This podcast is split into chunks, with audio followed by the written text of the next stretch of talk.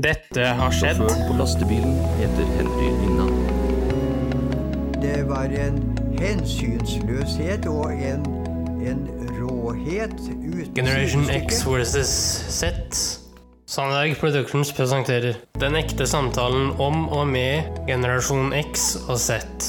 Hold deg fast og nyt. Hei, hei, kjære lytter, og hjertelig velkommen til dagens episode av eh, Generation X versus Z. Og i dag, kjære kompanjong, så skal vi tilbake til vårt dystre kapittel eh, fra Norges Monte Carlo. Det skal vi, og vi skal da en del tiår tilbake, og vi skal fremdeles fortsette med eh, Henry Rinnan og hans bande. Ja, Og eh, bare for å presisere nok en gang Henry Rinnan var, kall det, en av de aller verste norske nazistene under den andre verdenskrig i Norge. men overraskende lite kjent. Overraskende lite kjent, eh, i hvert fall på Østlandet, der vi bor, Henrik. Men jeg tror i Trøndelagen Der tror jeg eh, både ordet og, og begrepet Rinnan ligger dypt i hjerterota til Ja. sjelen deres. ja, jeg tror vel navnet Rinnan er som å si Quisling på Østlandet også. Jeg tror det er eh, noe i nærheten, i hvert fall. Rett og slett å banne i kirka. Eh, Det er i hvert fall. Det er det. Nå skal vi høre, Henrik. Nå er krigen begynt. Rinnan har så vidt eh, fått liten sånn en eh, lille to inn i tysk tjeneste, og nå begynner han å bygge seg opp Ja. som det monsteret han vil bli i løpet av, av krigens år. Ja. Så skal vi også gi eh, klart uttrykk for hvor denne lydfilen hvor den kommer ifra. ja. Eh, den kommer da fra nettspilleren til NRK, eh, NRK TV. Og hvis du er en sart sjel eller har barn i bilen hvis du hører på dette her, ikke hør på. Da har vi gjort det. Ja. Skal vi kjøre på? Ja, det kan vi.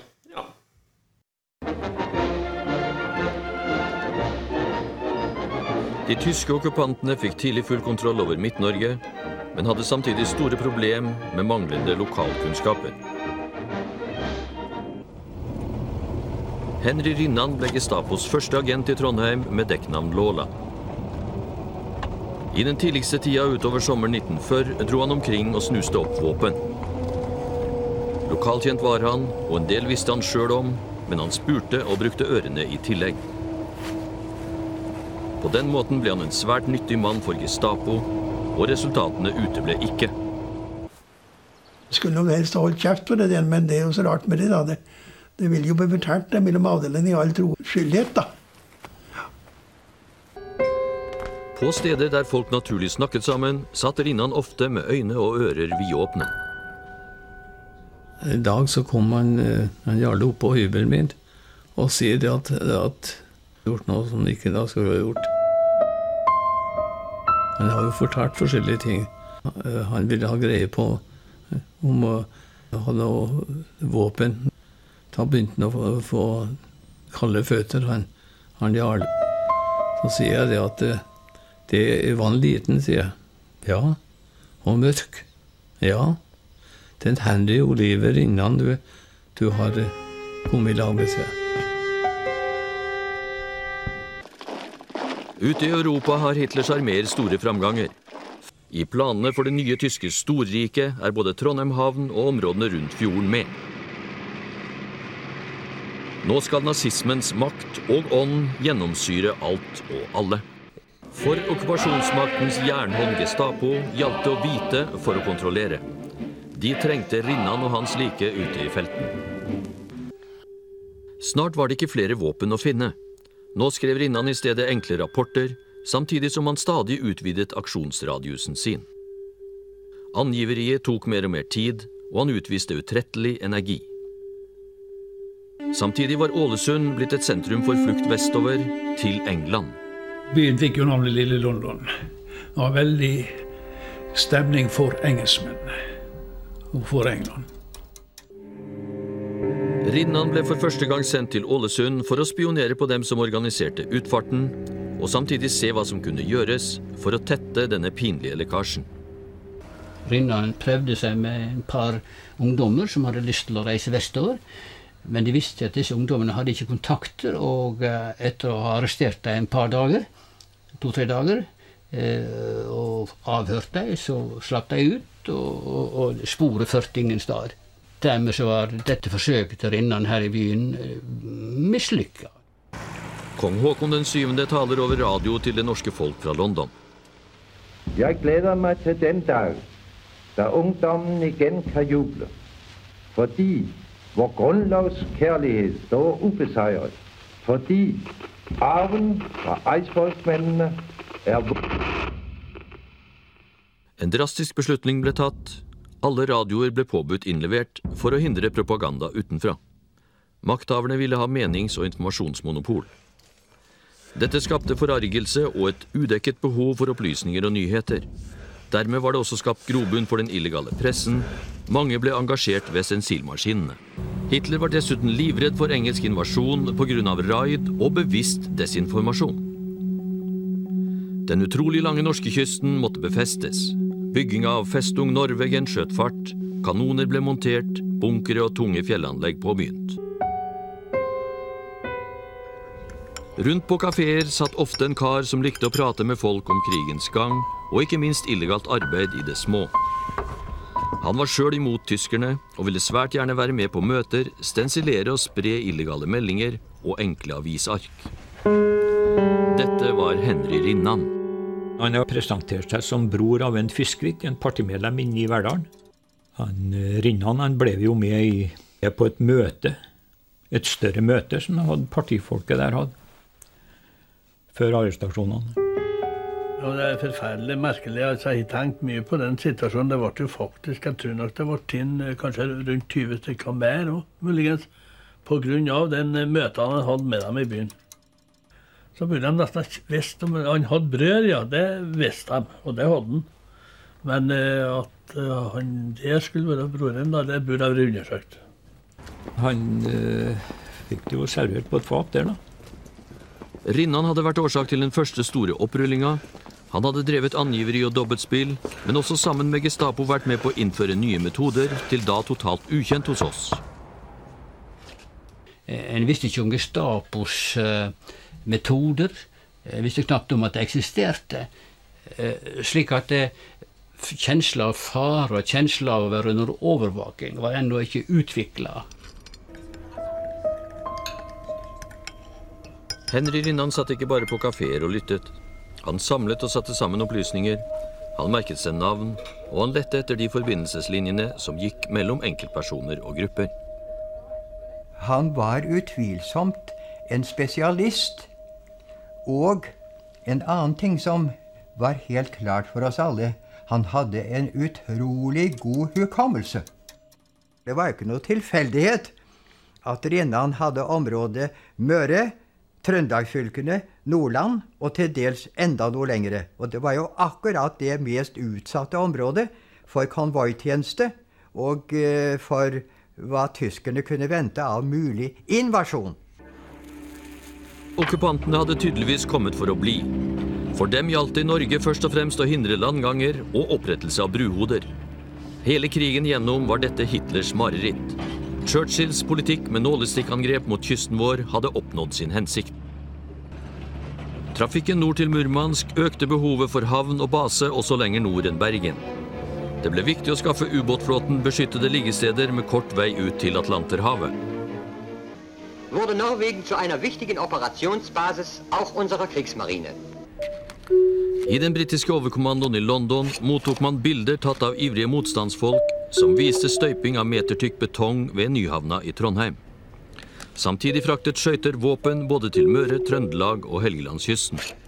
På det tidspunkt var jo eh, situasjonen den at de aller fleste blant oss trodde at en alliert landgang i Norge ville komme nokså snart. Og denne kjensla av frigjøring fra vest, den var så sterk og dominerende langs med kysten at eh, hos mange av disse englandsfarene som drog, også meg sjøl, så, så var det om å gjøre å komme seg vestover og inn i styrkene for å kunne være med på kampen om frigjøring av Norge. For de mente at det hasta å komme seg vestover. Gestapo styrket beredskapen i Trondheim. Hovedkvarteret ble flyttet til Misjonshotellet, og staben ble utvidet. Folk som drev motstandsarbeid, kjente enda ikke Gestapos metoder. Likevel begynte noen å ane at de var under oppsikt, og at det var spesielle typer man måtte være oppmerksom på. Det sto en gloria av frykt omkring en. Og det ryktes jo veldig fort når Henry var på vei til Levanger, før han kom inn til byen. Så gikk jo Bustika på forveien, tror jeg, fordi at når Henry kom, så var det nesten folketomt i gatene.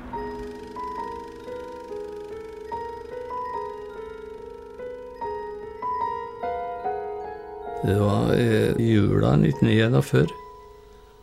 Da var jeg hjemme på ferie. Så ble vi enige om det, vi kameratene der, at eh, har vi fått tatt livet av en, så måtte vi gjøre det. Og det var eh, Nils Hauge og meg som, som ble trukket ut til å, å foreta det der. Rinnan bodde jo sammen med en familie, Nævemo. Fru Nævemo var enke og, og hadde to små barn. Men det het seg det at hun var ikke til stede da. Så Nils og meg, vi fant i oss hver sin jordkabelbite. Så vi tenkte å slå han i hjel med, da. Og de liste oss opp trappa om, om kvelden. Og skulle til å ta, åpne døra, så hørte vi at det begynte å skrike, unger begynte å skrike innpå der. Da så var ikke Nevemo sine bort allikevel. Så vi lista oss ned da. Og det var jo en negativ tur. Etter bombinga var Steinkjer en by av brakker. I ei av dem holdt Dahls kafé til. Der møttes mange, ikke minst nazister. Rinnan var ofte innom for å høre nytt. Her hadde han også vervet sine første medhjelpere. Gestapo hadde igjen bedt ham prøve å avsløre organiseringa av den økende flyktningetrafikken til de britiske øyene. Sammen med Jenshus, Aalberg og Ragnhild Strøm kommer Rinnan til Ålesund på sitt første større oppdrag. De tok inn på hoteller og søkte etter bestemte kontakter. De ga seg ut for å ville flykte vestover. De arbeidet systematisk. De ga inntrykk av å være ille ute og presset hele tida på for å få båtmulighet. Og så fikk jeg napp. Og båten går. Endelig lyktes agentene. De skulle få båtskyss. I en drosjebil med intetanende flyktninger sitter de. Drosjen skygges av Gestapo og Rinnan på jakt etter fluktbåten Viggo. Kapringen fikk tragiske følger. Også de som organiserte flukten, ble arrestert. Alle ble plassert i, nede på kretsfengsel, Ålesund kretsfengsel. Der. Og det ble jo en forferdelig eh, avhørsmetoder og, og tortur. Rett og slett torturgreier. Han Ekornesberg ble forferdelig mishandla. Og likedan Karl Rørvik fra Vigra, 17-18-19 år ung. Og da han kom tilbake til avhør, så måtte vi hjelpe han med skjorta Hun var klistra inntil kroppen. Vi brukte vann for å få, få skjorta løs. Satt helt fast igjen og var på lå gul og rød over hele kroppen.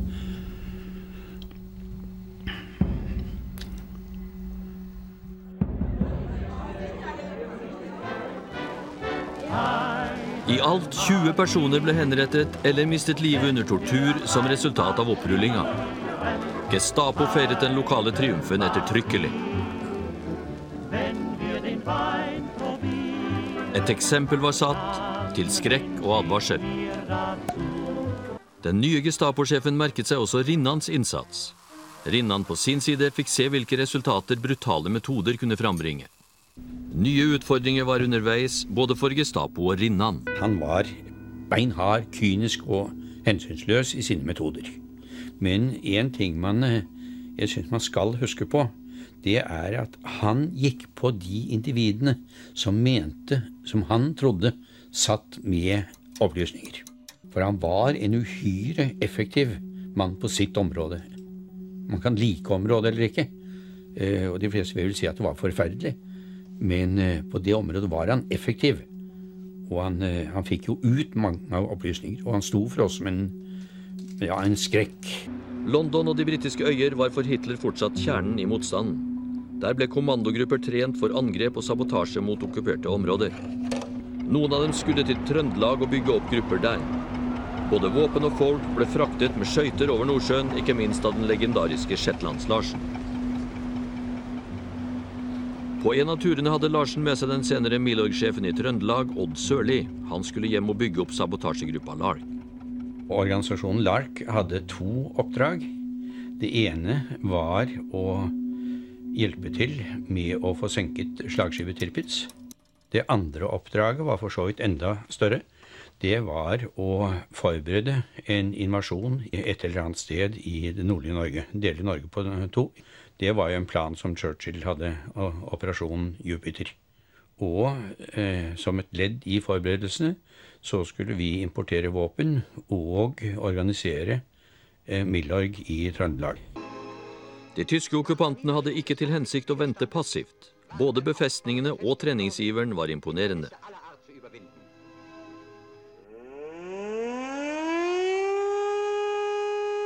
At norskekysten både var lang og vanskelig å kontrollere fullt ut, satte nervene i høyspenn. Britiske etterretningsflyvere holdt skarpt øye med den tyske aktiviteten.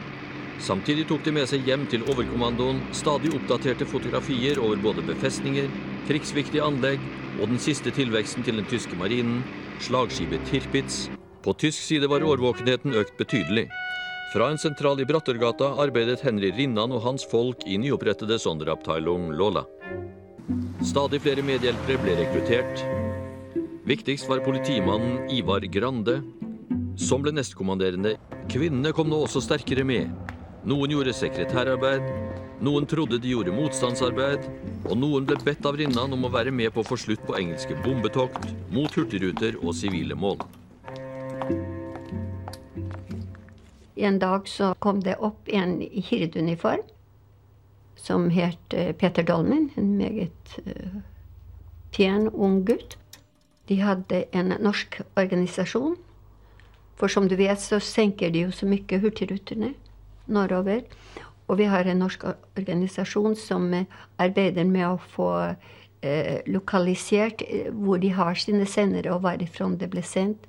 Det, som du vet, har jo sett i avisene sa han også at de skyter jo på på de stakkarene som ligger i vannet og sånn. Og det der er sant. Og eh, det, jeg har en sjef som, eh, som, undrer om du vil eh, gjøre en innsats. Du som har din mann også på østfronten. Så det at jeg gikk da til og oppsøkte det rommet Og bak et stort skrivebord reiser seg en liten mørk mann som jeg aldri hadde sett før, og presenterte seg. Det her er Henry Rinnan.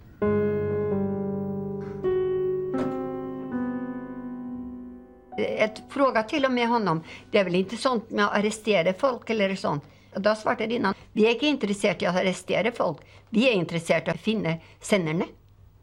Det skulle jo være kurir av å hente folk fra ulike steder og sånt som han da skulle tale med og sånt.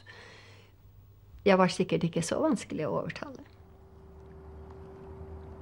Kvinnene fikk klassiske oppgaver innen etterretning. De var lokkeduer og brukte kjønnet sitt til å sette opp honningfeller. Resultatene var ofte gode.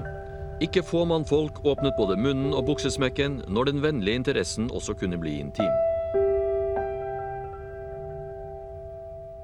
De innga jo tillit, og de Ja, og de presenterte seg jo som gode patrioter. Og da, at de da til like da har kanskje da et utseende som også er tiltalende, så er det vel menneskelig. De kunne da eh, ved møter tilrettelegge på en tilforlatelig måte. Ved servering, ved opptreden. Og de hadde leiligheter til disposisjon. Rinnans agenter snuste lenge omkring i Nord-Trøndelag og på Helgeland. Etter hvert begynte et mønster å tre fram. Store mengder våpen ble fraktet inn fra kysten. Mange var engasjert. Rykter gikk. Agentene gikk kledt og dro omkring som folk flest. Tok seg tid, slo av en prat. Flere av dem, som f.eks. Grande, var sjøl fra distriktet og hadde lett for å komme innpå folk.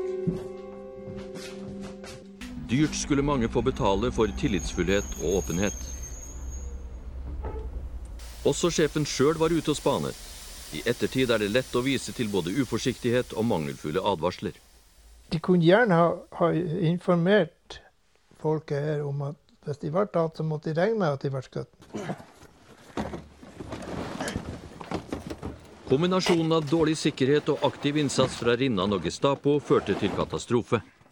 Med virkning fra den 6. oktober 1942 klokken fem om morgenen påbyr vi derfor i Trondheim politidistrikt ble det massearrestasjoner og kunngjøring av unntakstilstand i Trøndelag og deler av Helgeland. Terboven holdt skarp og advarende tale på torget. Offentliggjøring av navnene på de ti som ble skutt til skrekk og advarsel, kom som et sjokk. Etter summariske dommer i fangeleiren Falstad i Nord-Trøndelag ble hele 24 av de arresterte fra Majavatn-traktene henrettet 8. og 9. oktober 1942. Gestapo og Gerhard Flesch triumferte. Også de nordlige delene av det viktige Midt-Norge var under kontroll.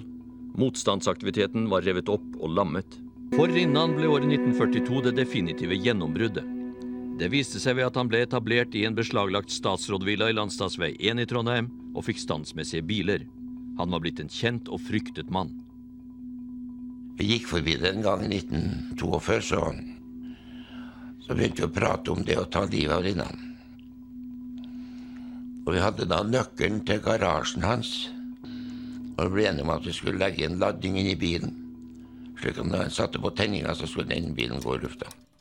Og vi fikk da gitt beskjed til London om at vi ville ta livet av Henry Oliver Rinnan. Men fikk ganske kort tid etterpå beskjed om at det var unødvendig, for han var ikke noe farlig. Hvordan reagerte de på det? De Vi ble jo rasende, selvfølgelig, for vi visste jo alle dag han hadde gjort og hvor farlig han var.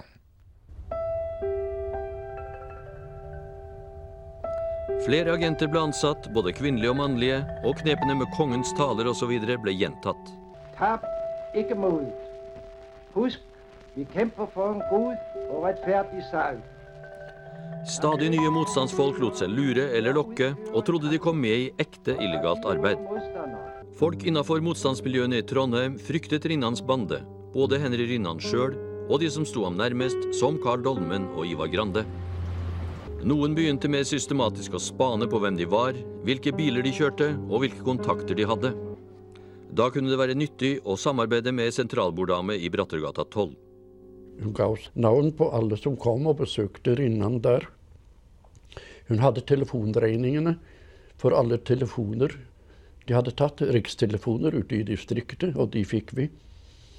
Og når vi fortsatte å studere banden og sendte rapport til Stockholm, og forskrekkelsen var stor da de fikk rede på hvem det var som gikk, kom og gikk. Utbygginga av det negative nettet pågikk uavbrutt, både til sjøs og på land.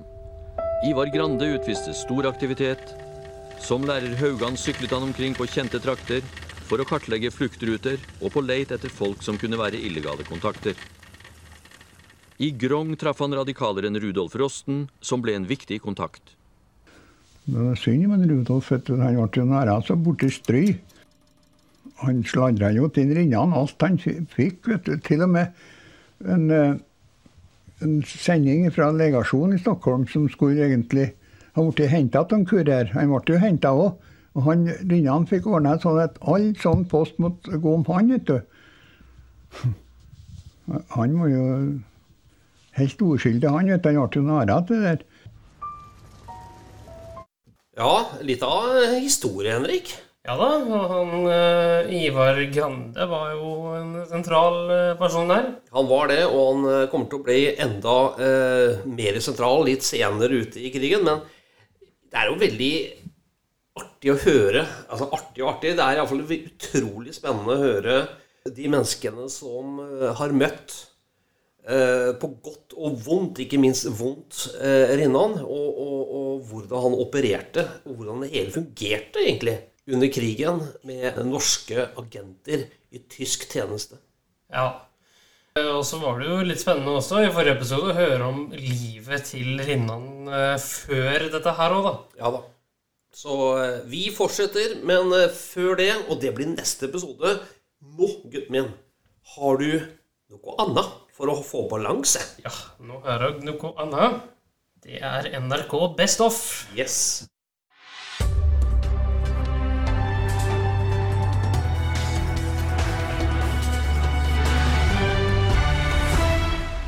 NRK-hjørnet.